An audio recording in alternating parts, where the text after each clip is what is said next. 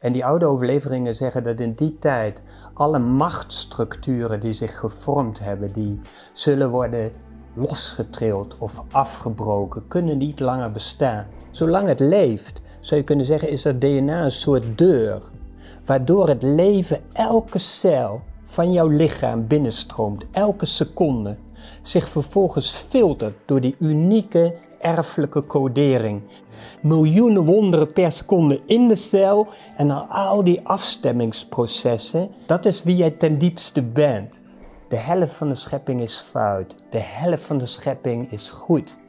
Dus de buitenwereld wordt ook nog een keer gescheiden. Maar datzelfde proces vindt in jou plaats. Dus na een aantal jaren zit jij niet alleen in je ik-gevangenis. Jij bent in jezelf, in die gevangenis, met jezelf in gevecht. Je moet niet aan jezelf werken. Als aan jezelf werkt, trek je de knoop vast. Je maakt de muren dikker. Je kunt ontspannen. Dat is wat die spontane genezers deden. Die rusten achterover in deze intelligentie. En toen kon dat zelfgenezend vermogen volop werken. Met het sluiten van het DNA is die sluier over de schepping gelegd en is de mens voor een deel afgesneden van zijn source-connectie, van zijn verbinding met de schepping. Maar het doorklinkt nog in onze verlangens. Dus op het moment dat wij uitdrukking gaan geven aan wat er werkelijk in ons hart leeft, krijgen we eigenlijk de hele schepping achter ons staan.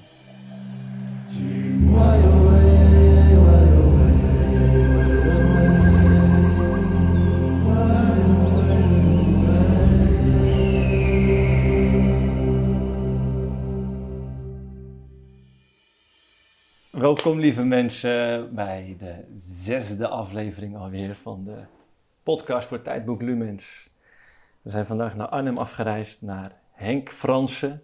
Henk, dankjewel voor jouw ontvangst. Mm, graag gedaan. Henk is uh, arts, spreker, schrijver van uh, meerdere boeken over gezondheid, zelfgenezing en de mentale component daarbij. Ook wel psychosomatiek genoemd. Nou, daar gaan we het over hebben straks. Maar wat ik vooral in Henk echt bijzonder vind, is zijn ja, kijk op de mens, de wereld. En ik heb zo'n gevoel dat we vooral ook daarover gaan, uh, gaan kletsen vandaag. Maar voordat we beginnen, nog even dit. Waardeer je wat wij maken? Uh, like en subscribe, zoals dat dan heet. Uh, op onze website kan je abonneren op onze nieuwsbrief. Daar is ook het intro-videootje te downloaden. Uh, daar is ook een financiële donatie te doen. Uh, Lumens draait op boekverkopen en donaties. Dat uh, houdt ons gaande, vers, verbetert de kwaliteit en de groei. Um, laten we maar beginnen. Mm. Henk, ehm, ja, ik weet niet goed waar ik moet beginnen. Wat is je prachtig verhaal wat, jij, wat, je, wat je de wereld inbrengt? De, de mentale component, het genezen van, van het lichaam maar vooral wat daarachter zit aan, Mhm. aan inzicht en aan diepgang. En voor mijn gevoel is het vooral een uiting van iets veel groters.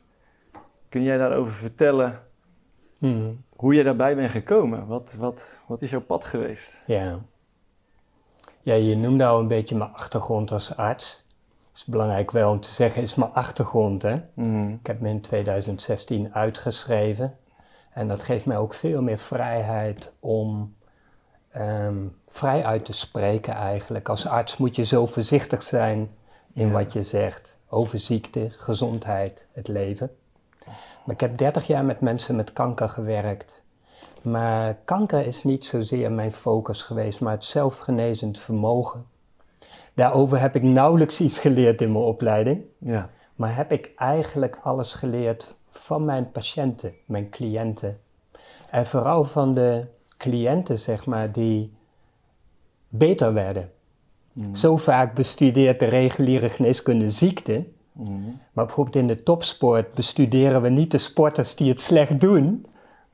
Ja. We bestuderen de sporters die uitzonderlijke prestaties leveren. Hoe doen ze dat? Wat kunnen we daarvan leren?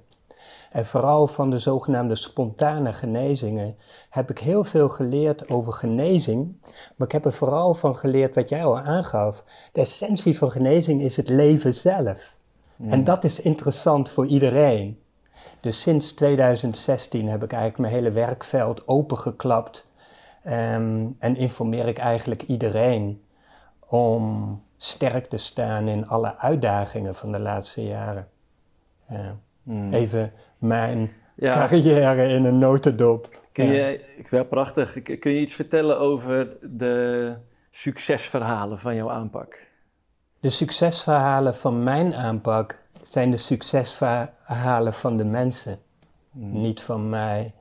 Ehm, het is natuurlijk moeilijk om als dokter toe te geven dat je een hele bescheiden rol speelt in genezing.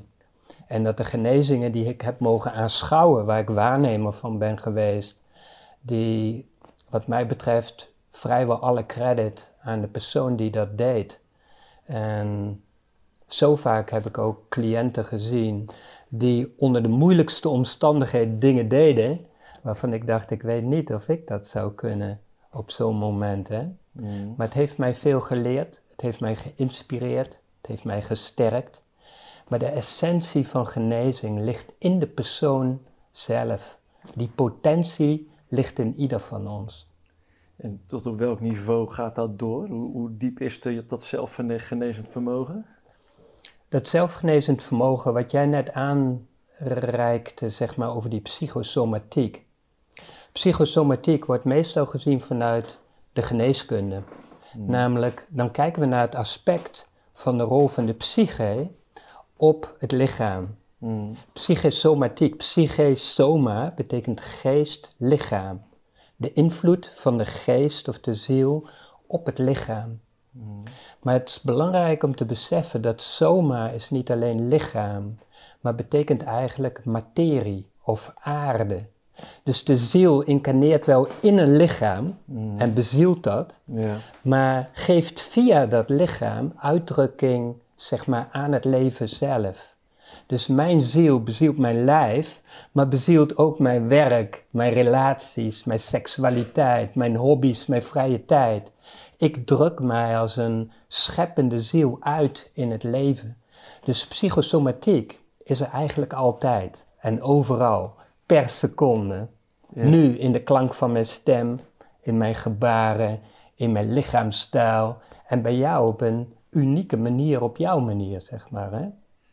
Nou, om te begrijpen hoe diep dat zelfgenezend vermogen gaat, zouden we beter moeten begrijpen wat de psyche is of wat de ziel is. Hmm. En wat ik al zei, die ziel is eigenlijk licht. Is puur licht en bezielt dat lijf. Nou, de omgekeerde werking daarvan horen we in een spreekwoord, wat het volk zo mooi zegt. Als ik de geest geef, Hmm. als mijn ziel het lichaam verlaat, Ja. wordt het in drie uur koud, stijf en donker. Ja.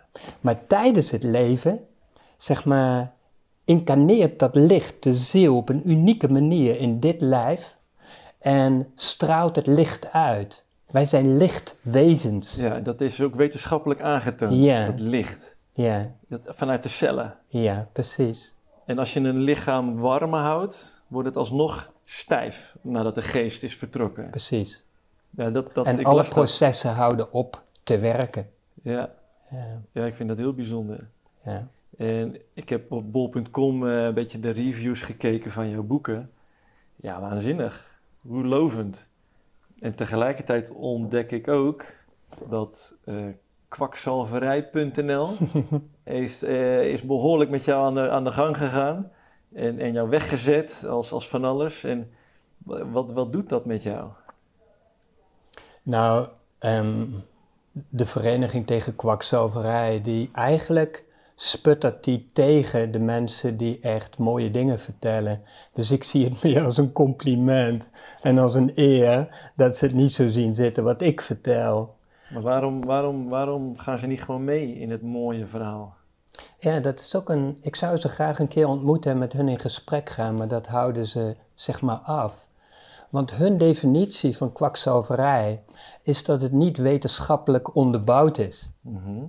Maar dat wij lichtwezens zijn, heeft wetenschappelijke onderbouwing. Dus je zou kunnen zeggen, het is een zweverige spirituele uitspraak. Ja. Er zit wetenschappelijke onderbouwing achter. Ik ben 30 jaar met alternatieve geneeswijzen bezig geweest, hoe ze in allerlei culturen de mens proberen beter te maken. Hè? Mhm. Bijvoorbeeld de Chinese geneeskunde. Die doen wij heel graag af als alternatief. Maar de Chinese economie Ja. is een van de beste economieën ter wereld. Ja. Niet? Die doen we niet af als alternatief. Waarom zou hun geneeskunde dan alternatief zijn? Zij proberen net als ons mensen in leven te houden. En als je naar de essentie van alle alternatieve geneeswijzes kijkt, gaat het over leefstijlfactoren zoals gezonde voeding, stress, sociale support. Dat zijn allemaal wetenschappelijke aandachtsgebieden binnen de reguliere geneeskunde. Er zijn honderden wetenschappelijke studies over die daar onderbouwing aan geven. Dus je zou kunnen zeggen, de pijlers van alternatieve geneeswijzen zijn gewoon reguliere aandachtsgebieden, zijn wetenschappelijk onderbouwd. Daar is eigenlijk niks alternatiefs aan. En de andere kant is dat meer dan de helft van alle reguliere behandelingen is niet goed wetenschappelijk bewezen. En is in die zin, volgens de kwakzalverij, dus eigenlijk kwakzalverij. Maar daar keren ze zich niet tegen, zeg maar. Hè? Dus het is een raar verhaal, zou je kunnen zeggen. Ja, als ik het zo hoor, dan denk ik ook... Het is natuurlijk ook een, een soort identi- identiteitsding. Je bent geschoold in iets en je gelooft in iets. En dan moet je dat ineens loslaten omdat er iets veel anders, groters is. Of wat nog veel beter werkt. En dat is misschien ook iets wat weerstand geeft. Ja, ik zou dingen liever naast elkaar willen zien. En de Vereniging tegen Kwakzalverij heeft zijn mening. Ja. Maar het is heel belangrijk in het leven, en dat heb ik van die spontane genezingen geleerd. Het is belangrijk om nergens tegen te zijn.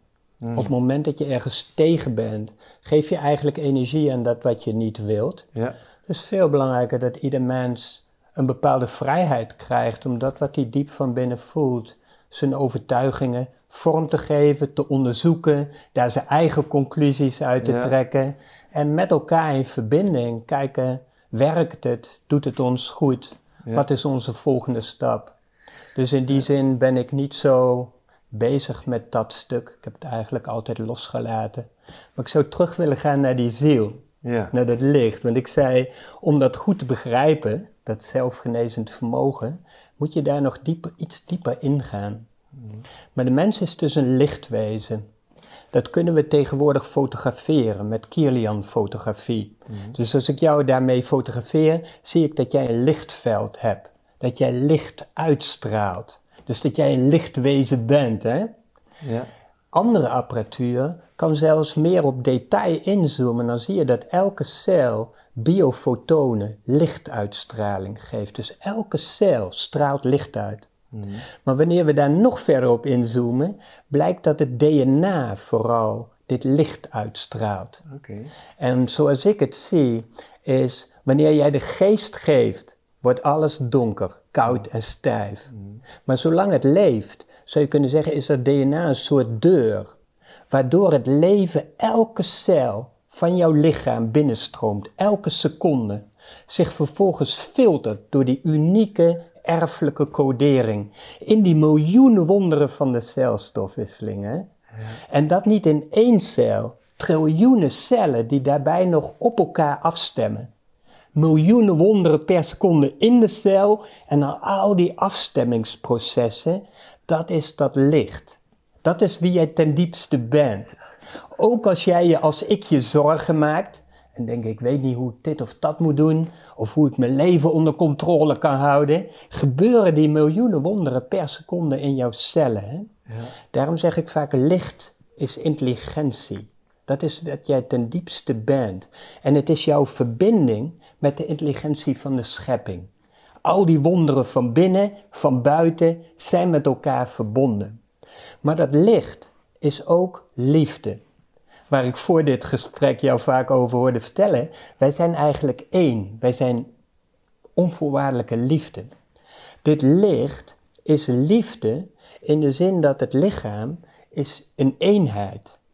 We noemen dat vaak een ecosysteem. Triljoenen cellen die met elkaar samenwerken. Als één cel uit balans raakt, zijn al die andere cellen per definitie direct hun best aan doen die cel te helpen. In de Chinese geneeskunde weten we als één orgaan iets uit balans raakt, zijn meteen alle andere organen aan het helpen, aan het ondersteunen. Dus je kunt zeggen, een ecosysteem is een eenheid, dat is liefde, waarin elk onderdeel, elk ander onderdeel steunt voor het hoogste goed van al het leven. Dat is liefde. En dat is wie we zijn. Terwijl wij misschien een beetje nadoen tegen de buurman, drukt die liefde zich in onze cellen uit, in alles en iedereen. Wanneer we elektrodes op iemands hart zetten, waardoor we via die elektriciteit een beetje kunnen zien hoe dat hart werkt, krijgen we indruk van die functie van dat hart. Wanneer we dan bij die persoon aan de andere kant van de wereld zijn of haar kind pijn doen, zonder dat die persoon dat weet, zie je direct dat het hart reageert. Hmm. Dus het ecosysteem is niet alleen iets wat van binnen die liefde uitdrukt, maar is verbonden met de hele schepping. En op het moment dat iemand aan de andere kant van de wereld pijn heeft, vooral als we daarbij betrokken zijn, reageert ons hart direct.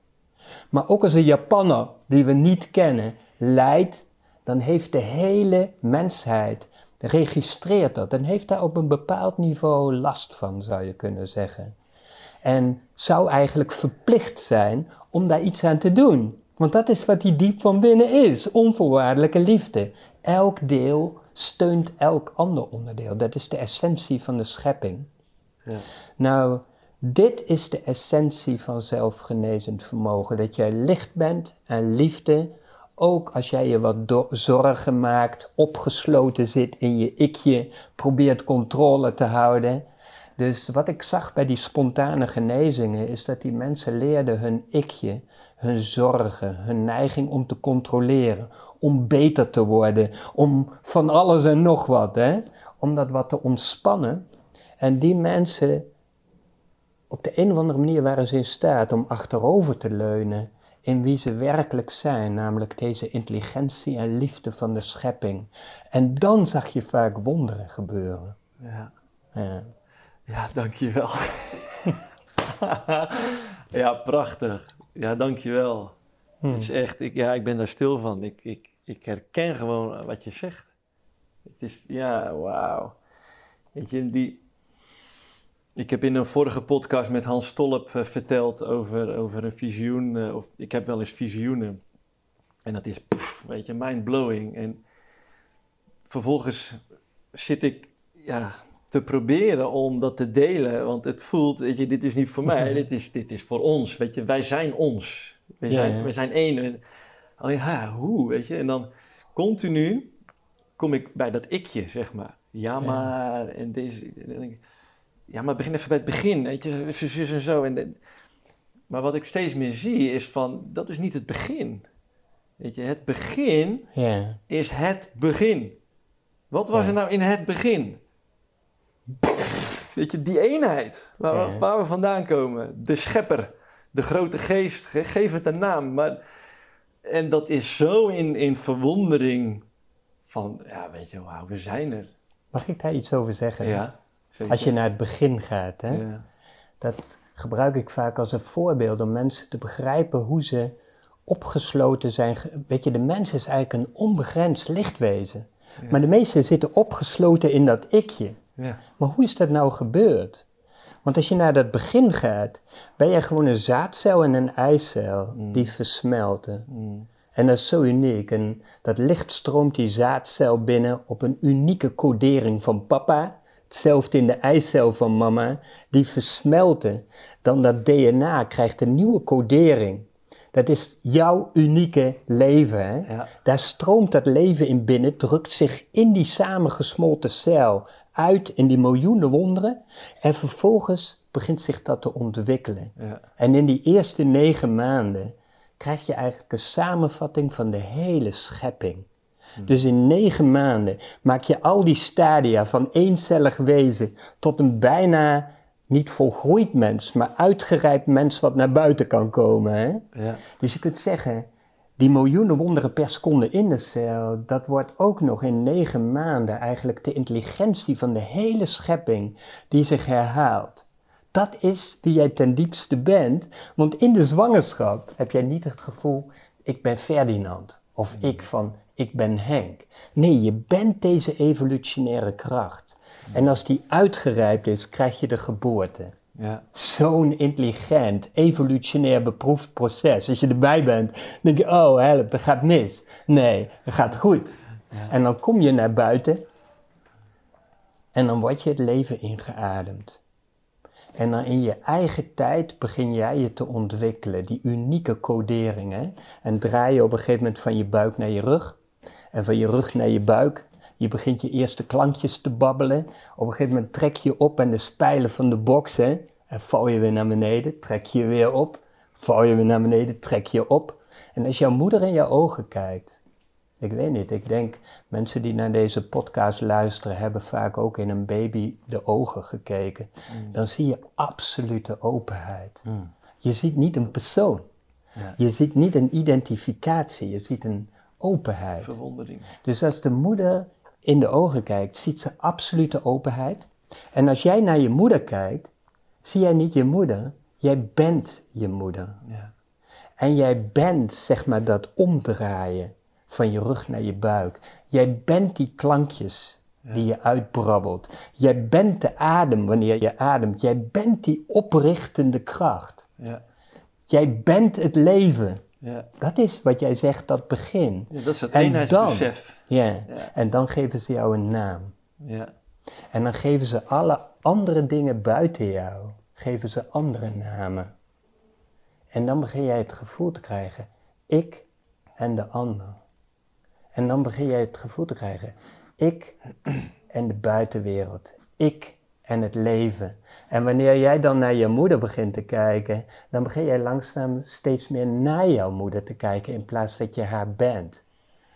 En Maar- zo kom jij langzaam, zou je kunnen zeggen, in een ik-perspectief.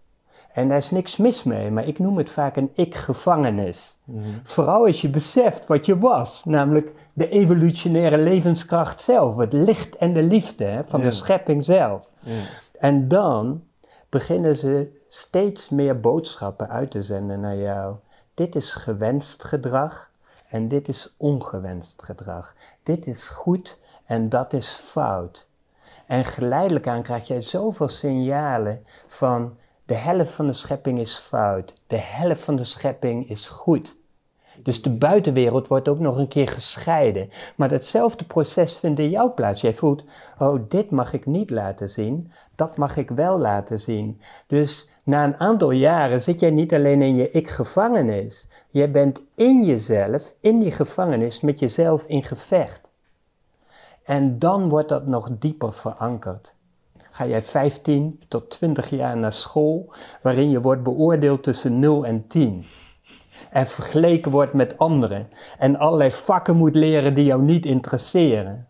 Ja. En dan, weet je, als je toch 15 jaar wordt beoordeeld tussen 0 en 10 en je wordt vergeleken met anderen, hoe kun je dan ooit nog, wanneer je buiten jezelf kijkt, niet oordelen, niet vergelijken? Hè?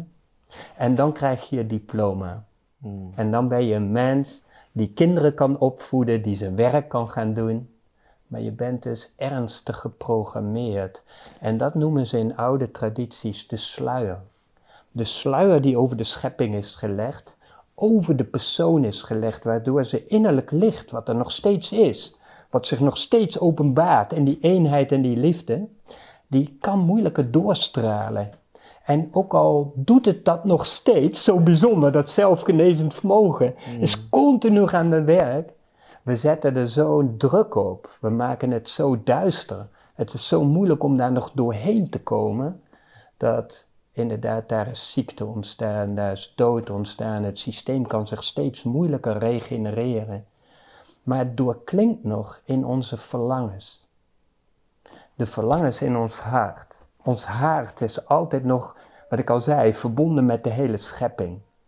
En je zou kunnen zeggen, alle verlangens van alle mensen bij elkaar is de evolutionaire kracht van de mensheid. Elk verlangen is een verlangen naar een betere wereld. Al die verlangens bij elkaar opgeteld is de evolutionaire kracht die zich eindeloos creatief openbaart.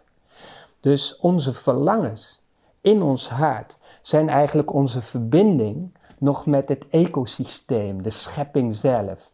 Dus op het moment dat wij uitdrukking gaan geven aan wat er werkelijk in ons hart leeft, krijgen we eigenlijk de hele schepping achter ons staan.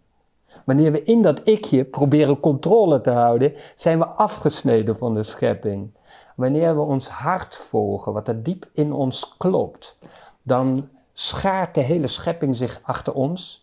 Dan komen we een beetje in flow. En mensen die dat hebben meegemaakt, hebben het gevoel dat er allerlei kleine wondertjes gebeuren in hun leven, wat we synchroniciteiten noemen. En die hebben letterlijk dat gevoel. Zo gaaf. Weet je, ik vind dit zo leuk en het lijkt net alsof ik overal geholpen word om het te doen. En dat is dat grote ecosysteem van de schepping waarin elk onderdeel, elk ander onderdeel steunt. En dat is eigenlijk, als we dat met z'n allen zouden gaan doen, dan lichten we de sluier van de schepping op. Ja. En dan creëren we een nieuwe wereld, waar ik jou ook hoorde zeggen voor dit gesprek. Hè, dan komen we in een wereld terecht, daar kunnen we ons nu geen voorstelling van maken. Dat is een jam sessie, een soort ehm, ja, spontane creatieve muziek die we met z'n allen maken, waar we elk moment weer verrast zijn door wat er ontstaat en wat er gebeurt. Hè? Die absolute vrijheid en creativiteit. Ja, ja weet je, en zelfs daaruit kijk ik naar die sluier en dan vraag ik me af, wat is die sluier nou eigenlijk precies? Ja. Als ik jouw verhaal zo hoor, dan klinkt het misschien alsof die sluier iets slechts is. Maar wat is jouw gevoel? Waarom komt die ik-afgescheidenheid? Waarom is die sluier er? Heb je, heb je daar een beeld bij? Kijk, ik geef dit voorbeeld vaak omdat het zo zichtbaar maakt wat zich vormt in een individueel leven. En de essentie van die sluier is goed en fout denken, wat ik aangaf. Al die signalen dat de schepping gespleten wordt in goed en fout. Hmm. Terwijl in andere culturen, bijvoorbeeld India, zijn alle aspecten van de schepping zijn een God. Een God, hè? Alles is een God. Ja. God heeft deze wereld geschapen. Als ik als kunstenaar een schilderij maak, is niet de helft van het schilderij goed en de andere helft is niet Henk. Nee, ik ben dat schilderij. Dus God heeft zich in al zijn tegendelen op aarde uitgestort. Ja. Dus alles is God. Sommige culturen hebben dat. Maar oude overleveringen zeggen dat er ooit in de geschiedenis van de mensheid een strijd heeft plaatsgevonden over, zou je kunnen zeggen, het licht van de mens. Dat er een strijd heeft plaatsgevonden om toegang te krijgen tot die onvoorwaardelijke verbinding die de mens heeft met de schepping, met de bron van al het leven. En ik gaf al aan, dat gebeurt door het deurtje van het DNA. En in die zin zeggen de oude overleveringen was dat een strijd over het DNA van de mens. Hmm. Dat DNA in zijn volle glorie, wanneer het leven daar doorheen filtert, is een en al wonder en regeneratie. En dat zeggen oude overleveringen. De oorspronkelijke mens was onbegrensd, onsterfelijk, kende geen ziekte, was één met de schepping, kende geen dood. Maar de strijd over het DNA is voor een groot deel gewonnen. En op dit moment zeggen wetenschappers, de mens gebruikt maar 2% van zijn DNA. Dus die deur is in die tijd ernstig gesloten. Niet helemaal, gelukkig, dus die echo doorklinkt nog en is nog steeds aanwezig zoals ik beschreef. Maar met het sluiten van het DNA is die sluier over de schepping gelegd en is de mens voor een deel afgesneden van zijn source connectie, van zijn verbinding met de schepping. Nou, wanneer jij je niet één voelt met al het leven, word jij bang. Daar ontstaat angst, daar ontstaat ziekte, degeneratie, ouderdom, dood. En dat geeft in essentie doodsangst. En daar wordt de mens corrumpeerbaar door, zeg maar, die partij die probeert de heerschappij te krijgen over de mens. En die krijgt, zeg maar, heerschappij over, zeg maar, die vertraagde levensstroom waar angst is. Dus wij zijn corrumpeerbaar op elk punt waar we angstig zijn. Waar we gecontroleerd kunnen worden, zeg maar. Hè? Mm. En dat is de sluier over de schepping. En dat goed-fout denken heeft zich uiteindelijk ingevreten in alle aspecten van de samenleving. En dus ook in de opvoeding. En dat zie je in elk mensenleven weer terugkomen. In oude overleveringen wordt dat de zondeval genoemd. Mm. Dat de mens at van de boom van kennis van goed en kwaad. Toen wij zijn gaan geloven dat we niet volmaakt zijn, maar dat we iets missen. Toen zijn we, zeg maar, uit het licht gevallen. Ja. En zijn we gaan denken, het is niet volmaakt, het is niet helemaal goed. En zijn we gaan proberen goed te krijgen wat volmaakt is. Ja. Dat is eigenlijk de sluier. En het belangrijkste voor mij is dat je gaat zien dat er een volmaakte, intelligente ehm, achter de schepping werkzaam is. En dat het eigenlijk een illusie is dat het niet volmaakt is, dat je afgescheiden bent, dat je... En het gekke is dat ik, je kan daar niks aan doen, want op het moment dat je iets gaat doen, maak je de gevangenismuren dikker. Daarom zeg ik vaak in deze tijd, je moet niet aan jezelf werken, je moet niet aan jezelf werken. Als je aan jezelf werkt, trek je de knoop vast. Je maakt de muren dikker. Je kunt ontspannen. Dat is wat die spontane genezers deden. Die ontspanden, die zagen er is niks mis. Ik hoef niet beter te worden. Die rusten achterover in deze intelligentie. En toen kon dat zelfgenezend vermogen volop werken. Dan ervaren we flow. Dan ervaren we die ondersteuning van de schepping zelf. Ja, ja te gek. Ja, jij hebt ook ons boek gekregen. Uh, daar zie je ook die gouden stip op de voorkant. En die gouden stip zit ook in het logo van, uh, van Lumens, van de podcast. En die gouden stip is voor mij een samenvatting van dit verhaal. Oké. Je, je ziet in het midden zie je een torus. En dat staat voor creatie en destructie. En dat is de schepping. En nou, op een dag gaan we ja, naar een, naar een realisatie. En daar is voor mij ook die sluier voor. Om zichzelf te ontdekken, om te, om te beseffen waar we in zitten. Juist die afgescheidenheid, het verkennen van al die mogelijkheden die er zijn. Het hele contrast van wat er mogelijk is. Om uiteindelijk tot die conclusie thuis te komen, we zijn allemaal één. En dan al die stofjes en alles, alles het is, wordt dan een feest van herkenning. Van, oh wauw, was dat het? Mm. Hebben we dat meegemaakt? Ja, what a ride. Oké, volgende vraag. ja. Ehm, om het even te koppelen aan, aan deze tijd, dat is wel interessant. We hebben nu twee jaar met COVID te Ja. maken en maatregelen. En er is een bepaalde richting ingezet. Ehm, wat doet dat met de mensen? Weet je, eh, de angst die, die verteld is, eh, de angst voor eh, een ziekte enerzijds, Ja. maar ook anderzijds de angst voor wat, wat gebeurt hier, wat zijn de plannen? Weet je, dus aan aan heel veel kanten is er heel veel angst. Weet je, wat, wat doet dat mensen met de menselijke psyche en in het vervolg daarvan de psychosomatiek? Ja. Zeg maar, oude overleveringen geven aan dat er een tijd op aarde zou komen dat er heel veel licht op aarde neerdaalt. Hmm. En zij zeiden dat is een bewustzijnsgolf die alles aan het licht gaat brengen wat geen licht is. En dan kun je denken aan angst, controle, alles wat schade doet aan mens, dier en plant.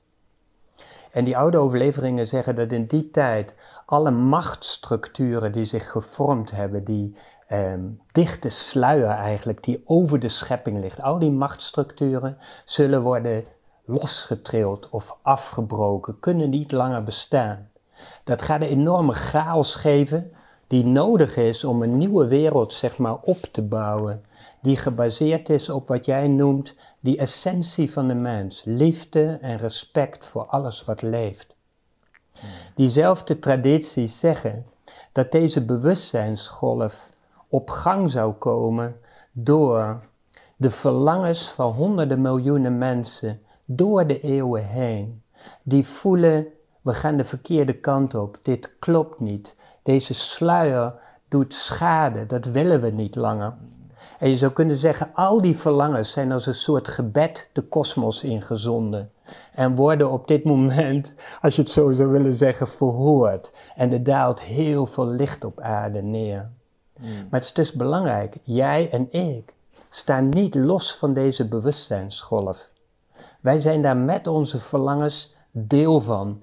En wij creëren eigenlijk dit schoonmaakproces, deze afbraak van alles wat schade doet, chaos. En van daaruit krijgen we de kans om op te bouwen. Nou, willen we bijdragen in deze tijd? Want wat deze voorspellingen hebben gezegd, dat is nu, als je om je heen kijkt, in het nieuws gaande. Hmm. Alles wat je op dit moment in het nieuws ziet, is wat er aan pijn en schade, controle, angst, zeg maar, aan de oppervlakte komt. En dat is een schoonmaakproces. Juist. En dat schoonmaakproces vindt niet alleen buiten ons plaats. Dus niet alleen die machtsstructuren, die sluier buiten ons, wordt opgetild. Nee, die sluier in ons, die ik-gevangenis, onze angsten, onze pijnpatronen. Dat wat in ons eigenlijk niet meer dient de familiepatronen ook worden allemaal in ons opgelost. En wil je daaraan bijdragen, is het superbelangrijk, twee dingen eigenlijk. Dat je niet gaat vechten tegen dat wat je allemaal ziet. Want op het moment dat je gaat vechten, vechten is deel van de sluier. Hmm. Vechten doe je alleen maar tegen iets waarvan je denkt dat het fout is. Terwijl er is een enorme intelligentie werkzaam. Ja, ja. Dus wanneer je daarin kunt ontspannen, wanneer je de intelligentie herkent, dat je, ik denk dat in deze tijd dat het een van de gloriemomenten is in de evolutie van de mensheid. Al dit licht wat op aarde neerdaalt, wat ons DNA weer activeert. Ons DNA wordt weer in zijn volledige potentie geactiveerd. Ja. Dat is uniek dat we daarbij zijn. Hè? Ja, ja. Dus ontspannen in, zou je kunnen zeggen, deze enorme intelligentie die op dit moment werkzaam is in de wereld. Ook al ziet het er nog zo na uit, dat je weet, dit is schoonmaak. Daar moet ik niet tegen gaan vechten. Kan ik in ontspannen. En dan focus je op je eigen licht. Jij wilde hierbij zijn op aarde. Je bent daar niet voor niks nu. En jij bent deel van deze bewustzijnsgolf. En ik gaf al aan, jij wil jouw licht aan die bewustzijnsgolf toevoegen. En de essentie van dat licht is jouw onschuld eigenlijk, jouw hart. Dat wat er diep in jouw hart klopt. En daar hoeven we geen ethiek aan anderen op te leggen, geen moraal aan anderen op te leggen. Dat hart van ieder mens, hoe ver dat ook open staat, dat kan al een beetje voelen wat de bedoeling is. Ja. Dus waar je ook zit in je proces, hoezeer je misschien ook nog in die gevangenis zit, hoezeer je last hebt van pijnpatronen of overlevingspatronen of de druk van de generaties, je hart staat een beetje open en je kunt voor jezelf voelen, jouw blauwdruk, hoe wil jij bijdragen? En het is belangrijk dat we nee zeggen tegen alles waarvan we voelen dat klopt niet. Ja. Nee, de kracht van nee sluit dingen uit het verleden die niet goed zijn af. Daar stopt het. Wanneer we nee zeggen door een grens, wordt dat niet meer gevoed en moet het afsterven. Vervolgens draaien we ons om en zeggen we ja tegen wat we diep van binnen, die schoonheid die je noemt, die je van binnen herkent. Wij zijn scheppende wezens. Je kwam naar de aarde om dat uit te drukken. Wanneer we dat met elkaar gaan doen, zeg ik altijd: het mooiste wat jij je in je hart kunt voorstellen, is jouw hemel. Hmm. Wanneer je dat uitdrukt, breng jij jouw hemel op aarde. Dat is waarvoor je kwam. Wanneer alle mensen dat met elkaar beginnen te doen, kunnen we ons niet voorstellen waar we in terechtkomen, maar in absolute overvloed. In een totale explosie die jij liet zien van creativiteit, van liefde, van onschuld. Ja. En dan is het belangrijk om te beseffen, die ik-gevangenis, die sluier, die eigenlijk een echo is van die, noem het, die andere bron die strijd voerde over ons DNA, wanneer die oplost, die ik-gevangenis doet schade. Die doet pijn, die beschadigt ons lijf, die maakt ons ziek en dood uiteindelijk. Maar buiten ons heeft hij al die machtsstructuren opgebouwd, waar heel veel uitbuiting, plundering van de aarde, verstoring van ecosystemen achter zit. De vrije wil mag dat allemaal doen, hmm. mag in die verleiding meegaan, maar het is niet onze essentie. Onze essentie om te zeggen: nee, dank je. Dat is niet wie ik ben. Ik ben liefde. Ik ben een ecosysteem.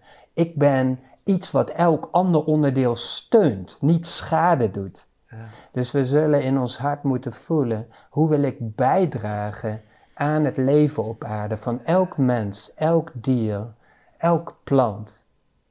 En dan bouwen we de nieuwe wereld op. En dan is de strijd over ons DNA ook voorbij eigenlijk. Dan zal het toenemende licht op aarde ons DNA weer openklappen. En dan komen we helemaal in dingen terecht die we ons niet kunnen voorstellen. Maar het is ook belangrijk om te beseffen, wij zijn pioniers. De mate dat wij dit doen, zetten we de deur open voor de volgende generatie. Hmm. Er komen op dit moment kinderen naar de aarde met een multidimensionaal bewustzijn. Die brengen geschenken mee om de troep op aarde een beetje op te ruimen. Om alle schadelijke effecten die bijna ongeneeslijk zijn, hè, die we om ons heen zien, om die op te ruimen. Dus het is heel belangrijk dat we niet vergeten dat er nog een enorme backup is van de generatie die na ons komt. Ja. En wil niet zeggen dat alle kinderen die nu geboren worden dit hoger bewustzijn hebben. Maar de deur is opengezet voor veel hoger bewustzijn om te incarneren. Ja. En dat kan iedereen weer verder optillen. Ja. Maar op dit moment mogen we vooral ontspannen in de enorme intelligentie die werkzaam is in deze bijzondere fase in de evolutie van de mensheid. En daar niet te serieus over zijn, maar veel meer blijmoedig ja. nee te zeggen tegen wat we niet meer willen. En ja te zeggen tegen wat we diep van binnen voelen. En dan is het belangrijk om te beseffen dat dat blijmoedig vormgeven niet altijd makkelijk zal zijn. We hebben het ergste nog niet gehad. De oude overleveringen zeggen dat we in een hergeboorte van de mensheid zitten. Hmm. Nou, ik weet niet of je ooit bij een geboorte bent geweest. De weeën die jou naar buiten hebben geduwd, zijn enorme natuurkrachten die jou helemaal in elkaar drukten. Dat is waar we als mensheid op dit moment doorheen gaan. Ja. Dus het kan enorm intens zijn. Ja. Maar ook al heb je bij een geboorte vaak het gevoel, dit gaat niet goed, dit gaat niet goed. Een enorme intelligentie werkzaam is een beproefd evolutionair proces. En waar we nu doorheen gaan, de timing daarvan voor ieder mens op aarde op dit moment is perfect. En we mogen ontspannen, hoe intens het ook nog wordt. Ja. Want ik denk zelf dat we nog wat blauwer gaan worden. Mm. Dat de kraan nog wat meer dichtgedraaid wordt. Dat ieder mens nog wat meer onder druk gezet zal worden. Ja. Maar dat helpt ons ook om een tegenkracht te ontwikkelen om eruit te komen. Dat is het. Om keuzes te maken en aan te geven waar we voor staan. Dat is het. Weet je, dat, dat was het voor mij ook twee jaar geleden. Weet je, door COVID en de maatregelen, bij mij van, ja, wat, gebeurt hier? En ja, dan begint ineens zo'n exploratie en zo'n verkenning, zo'n ontwaking. Eerst dacht ik, eh, nu ben ik wakker. Vervolgens realiseer ik, ik ben helemaal niet wakker. Ik ben bezig met wakker worden. Weet je, en, uh, ook rijkhalzend uitgekeken naar de toekomst. Van dan zijn we er. Hmm. Dan is het feest van erkenning en dan is de vrede. Maar hmm. precies wat je zegt, weet je, mijn hart ging net ook echt. ik, denk, ik klopt er helemaal nog uit. Weet je, het is nog helemaal open van. Ik weet, niet, ik weet niet of dat dan ook voelbaar is, maar. Wauw, ik heb jou een, op, op jouw website een, een videootje waarin je vertelt over een beukennootje. Ja. Zo belangrijk voor Maar dat is het. Ja, het illustreert zo de volmaaktheid. Ja. Die zo belangrijk is om daarin te leren rusten eigenlijk. Mm. Maar daar krijgen zoveel mensen ook een ja maar. De wereld is niet volmaakt. Ik ben niet volmaakt. Precies. Maar volmaaktheid, wanneer ik daarover praat, wil niet zeggen dat er geen groei mogelijk is. Mm. Van, het is een soort volmaakt eindpunt. Nee, het is de volmaaktheid van het stadium. En het voorbeeld wat jij net benoemt, wat ik vaak gebruik, is dat van een beukennootje of van een zaadje. Maar als je naar een beukennootje kijkt, een beukennootje bevat die intelligentie waar we over gesproken hebben. Daar ligt de intelligentie van de hele boom in besloten. Hmm. De blauwdruk van de hele boom. Hmm. Maar een beukennootje, niemand zal zeggen dat dat een stom, slecht, uh, onvolmaakt iets is. Nee, het is volmaakt. Ja. Maar het is nog geen boom. Ja. En wanneer het ontkiemt, dan is dat volmaakt. Maar het is nog steeds geen boom. Het is een heel kwetsbaar sprietje. Wat ze wegzoekt door de donkere aarde. Weet? Die ontkieming vindt in het donker plaats. Maar wanneer dat kiemetje boven de grond uitkomt, is dat meestal in het voorjaar. In de maand april of zo. En we hebben al uitspraken. Aprilletje zoet. Geeft zelfs nog wel een witte hoed, hè? Dus dat sprietje kan nog hagel krijgen, nog sneeuw, nog nachtvorst. Ja. Maar er is niks mis aan. Zelfs als het het niet trekt en het gaat dood. Dat is de natuur, de intelligentie, de kringlopen, het ecosysteem zelf. En wanneer het een kleine beukenboom is, volmaakt. Ja. Is niet slecht omdat hij nog niet gebloeid heeft of nog geen zaadjes heeft. En wanneer de oude boom, die alles heeft meegemaakt, het leven zich daaruit terugtrekt en hij sterft af, volmaakt. Het leven is volmaakt. En je zou kunnen zeggen, het is een volmaakte openbaring van het leven zelf. In dit geval de unieke blauwdruk van het beukennootje. In mijn geval de unieke openbaring van de codering van Henk. Bij jou van Ferdinand. En dat is, wij zijn onschuldig. Wij zijn de spontane openbaring van het leven zelf. En al die mensen bij elkaar is de spontane openbaring van de evolutie van de mensheid. En het is perfect. Nou, daar is een sluier overheen gekomen, het is nog steeds perfect. En hoe de sluier nu wordt opgetild en de timing daarvan, perfect. Maar niet altijd makkelijk. Niet altijd zonder weerstand. Mm-hmm. Maar net als een geboorte. Ja. Ik ben bij zoveel geboortes geweest. En het gekke is, juist die intensiteit. En de intensiteit van het proces kan maken dat je mond openvalt en dat je de intelligentie van het proces nog meer bewondert. Ja. Het is allemaal even perfect, ja. volmaakt. Ja. En uh, iedereen kent dat voorbeeld dat wanneer je aan jezelf gaat werken, is dat hetzelfde als dat je probeert het gras uit de grond te, trekken. Ja. En natuurlijk kun je een kind sneller leren praten en je kunt het uh, bepaalde vaardigheden opdringen. Mm. Maar het is geforceerd. Mm. Het is trekken aan het gras. Ja. Elk kind openbaart zich in zijn eigen tijd, in zijn eigen tempo, met zijn eigen klank en zielenkleur. En daar zouden we af moeten blijven. Daar moeten we van genieten. Of daar mogen we van genieten. Ja, maar dat is het. Het een uh, forceren. Mag ook, maar het is pijnlijk en het hoeft niet. Jan Geurts die schrijft hierover in, in ons eerste boek. En die haalt het uh, voorbeeld aan van de Tibetanen, hoe zij met hun kinderen omgaan. Weet je, die laten ze lekker. Hmm. Tot hun vijfde, zesde. En dan kunnen ze een beetje voor de kippen zorgen. Die worden gewoon gedragen in een, in een draagzak. En ja. er wordt helemaal niks van verlangd. Ja. Die mogen gewoon helemaal zijn. Ja. En die kennen helemaal geen termen als zelfmoord, zelfhaat. Nee. En zeg maar, de volgende stap in de ontwikkeling van een kind is dat je het als volwassene observeert. Want in een beukennootje ligt die kracht om te ontkiemen. En in een kind ook. En je ziet dat waar zeg maar zijn hart naar uitgaat. Mhm. Waar die enthousiast over wordt, waar die geïnspireerd raakt. Mhm. En dat is het mooie van die woorden. Enthousiasme is en theos, God ingesloten. Oh, wow. Dus God openbaart zich in ons in onze potentie, daar waar we enthousiast worden, daar waar we naartoe getrokken worden. Wij worden door God ja. toegetrokken naar onze bestemming, naar onze potentie. En dan kan een opvoeder dat ondersteunen, dat faciliteren, wat makkelijker maken. Ja, dus het enige wat een opvoeder te doen staat, is kijken waar het enthousiasme ligt. Ja, en dat zeg maar ondersteunen maar dat heeft weinig ondersteuning nodig, maar soms wat aanbieding. Hmm. Weet je, dat je die weg een klein beetje meer aanbiedt, want dat, dat is het zelfgenezend vermogen zelf. Dat is de heelwording van de schepping zelf. Je wordt naar je eigen heelheid toegetrokken, want als je meer en meer je enthousiasme uitdrukt, je inspiratie volgt, krijg je een heel vervullend leven. Ja. Dus we worden naar onze vervulling toegetrokken. En dat is het nieuwe onderwijs.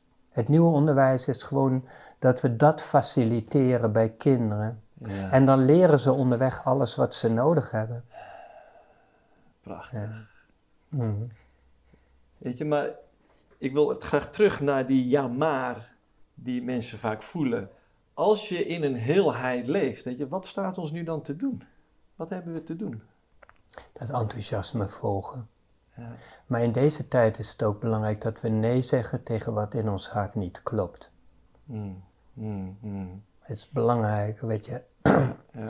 Christine van Drijen zegt dat zo mooi. Als ze bedenken dat we oorlog moeten voeren, maar elke burger zegt: nee, dankjewel. Ja.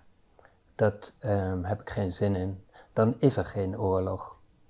Maar wanneer we meegaan met dat wat schade doet, dan worden we deel van dat verhaal. En het is op dit moment op aarde belangrijk dat we stop zeggen tegen wat schade doet, wat niet dient, wat dwingt, wat de vrije wil verkracht, Ja. wat inperkt, wat uitbuit, wat isoleert. Nee, dank je. Ja. Als grens, niet als tegen, als grens. Zodat het geen energie meer krijgt en in zijn eigen tijd afsterft. En dan kunnen we de God van binnen, ons enthousiasme en theos kunnen we volgen. En Theo. En ik zou dus ook elke luisteraar willen uitnodigen om eens over na te denken, waar zou je nee tegen willen zeggen in jouw leven op dit moment? En wat is God in jou op dit moment? Wat wil je meer ruimte geven, meer tijd, meer volgen? En dan, ja, dank voor jouw werk, Mm. want je brengt zoveel mensen over het voetlicht die dit proces bij mensen in beweging zetten. Dan komen we met elkaar in beweging. Ja. Nou, lieve mensen, ja, kan niet anders dan dat jullie naar zitten te kijken van, wat is daar gebeurd? Of misschien denk je van, nou, die gasten zijn knettergek. Ik geloof, ik voel, ik weet, alles komt thuis in een feest van herkenning.